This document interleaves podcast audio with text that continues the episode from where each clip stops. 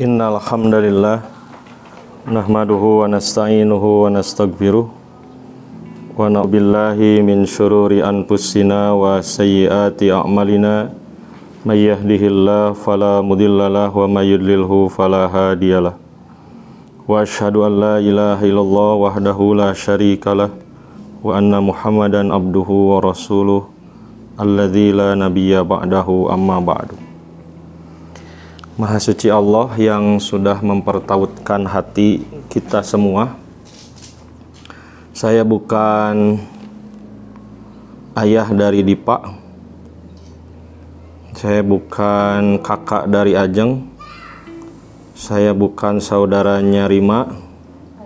Saya bukan siapa-siapanya Anggina, bukan siapa-siapanya Awe, dan bukan siapa-siapanya Sipa. Dan entah siapakah Nanda itu. Tapi yang jadi masalah dan menjadi takjub serta rasa syukur kita semua Maha suci Allah yang telah mempertautkan hati kita semua. Dari daerah yang berbeda-beda, Tesa Indung, Tesa Bapak, dengan frekuensi dan giroh jihad yang sama kita berkumpul di tempat yang insya Allah penuh dengan barokah. Banat media ini adalah sebagai wasilah sebagai sebuah alat dakwah media melalui berbagai sarana yang sudah Allah persiapkan maka menancapkan cita-cita tertinggi akan menjadikan kita mampu untuk berlelah-lelah akan menjadikan kita mampu untuk mencurahkan segala daya dan upaya. Apa cita-cita tertinggi itu? Tiada lain dan tiada bukan surganya Allah Subhanahu wa taala. Dalam beberapa hadis tentang gambaran ahli surga dan ahli neraka. Di antaranya dalam riwayat Bukhari Muslim bahwa ahli surga itu kelak di surga akan dibesarkan, dilebarkan badannya sampai seukuran ayah kita bersama Nabi Adam alaihi salam. Sekitar 60 hasta tingginya.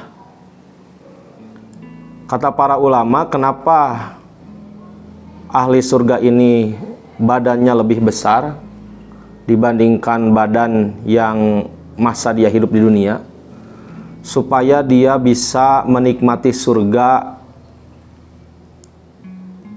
lebih dalam, lebih luas.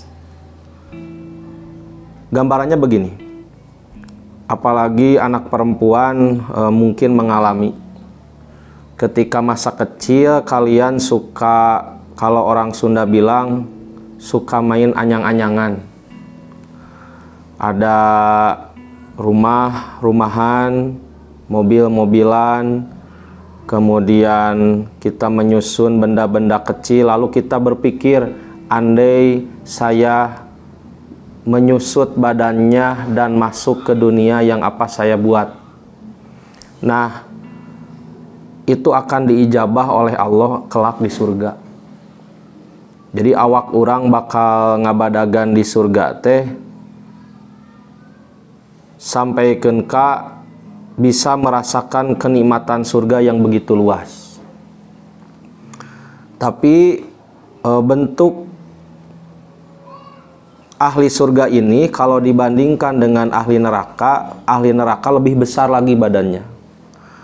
Kata Rasulullah, telinganya ahli neraka, ini baru telinga, se sebesar 70 hasta. Hasta itu kan dari ujung jari sampai uh, sikut. Cepil nawae 70 hasta. Sebesar apakah badannya? Itu menggambarkan bahwa ahli neraka itu disiksanya itu Waalaikumsalam warahmatullahi eh, apa? Disiksanya itu adalah dengan pori-pori demi pori-pori gitu disiksanya itu adalah dengan siksaan yang jengkal demi jengkal saja terlewatkan. Nah, jadi kalau ahli surga badannya diperbesar, surganya memang luas. Kalau ahli neraka badannya lebih besar lagi dari ahli surga karena dia akan disiksa setiap tubuhnya itu merasakan siksaan neraka. Jadi kan begini. Kalau telinganya saja 70 hasta, maka Allah akan menyiksa bukan hanya jengkal demi jengkal dari badannya bahkan mungkin pori-pori demi pori-pori. Bahkan lebih kecil dari itu. Jadi kalau mata kita dipakai buka-buka medsos yang jelek-jelek lihat sesuatu yang bermaksiat dan lain sebagainya. Nah mata ini akan disiksa oleh Allah diperbesar dulu sampai 70 hasta.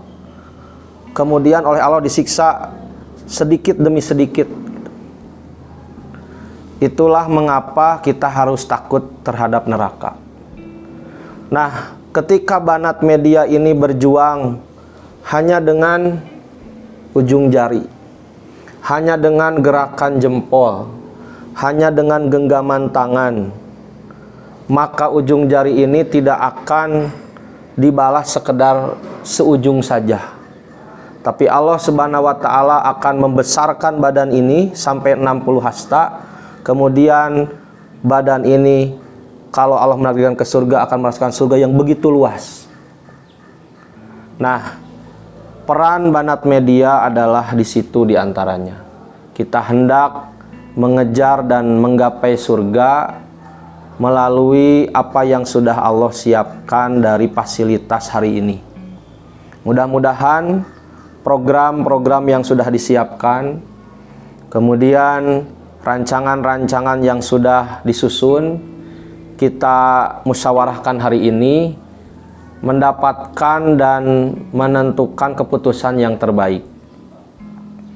Kalau misalnya sebuah tangan itu ada lima jari, maka dengan lima jari itu akan membuat hal yang lebih berarti dibandingkan dengan hanya satu jari.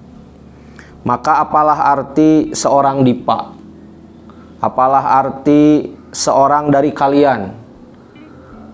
Kalian akan berarti ketika berjuang bersama. Berorganisasi itu adalah seni menggerakkan orang lain. Seni berkomunikasi. Maka jangan memperbanyak husnudon tapi harus memperbanyak tabayun. Jangan banyak ingin dimengerti tapi harus banyak mengerti. Pada akhirnya hati ke hati itu akan dipertautkan oleh Allah. Bagi saya ini luar biasa. Tidak pernah saya bermimpi bisa dipertemukan dengan kalian. Maka jagalah ikatan silaturahmi ini dengan yang pertama saya sampaikan sesuatu cita-cita yang tinggi yang ingin kita gapai, surganya Allah.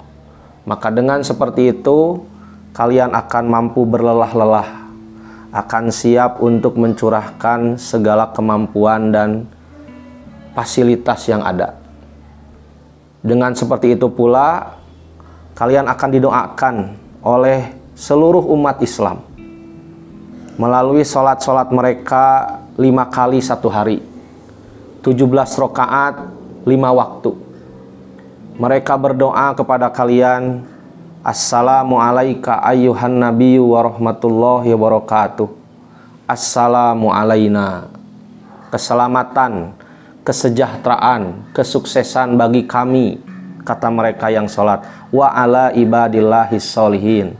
Dan keselamatan juga bagi hamba-hamba kami yang soleh. Jika banat media ada dalam kesolehan, artinya banat ada dalam doa tersebut.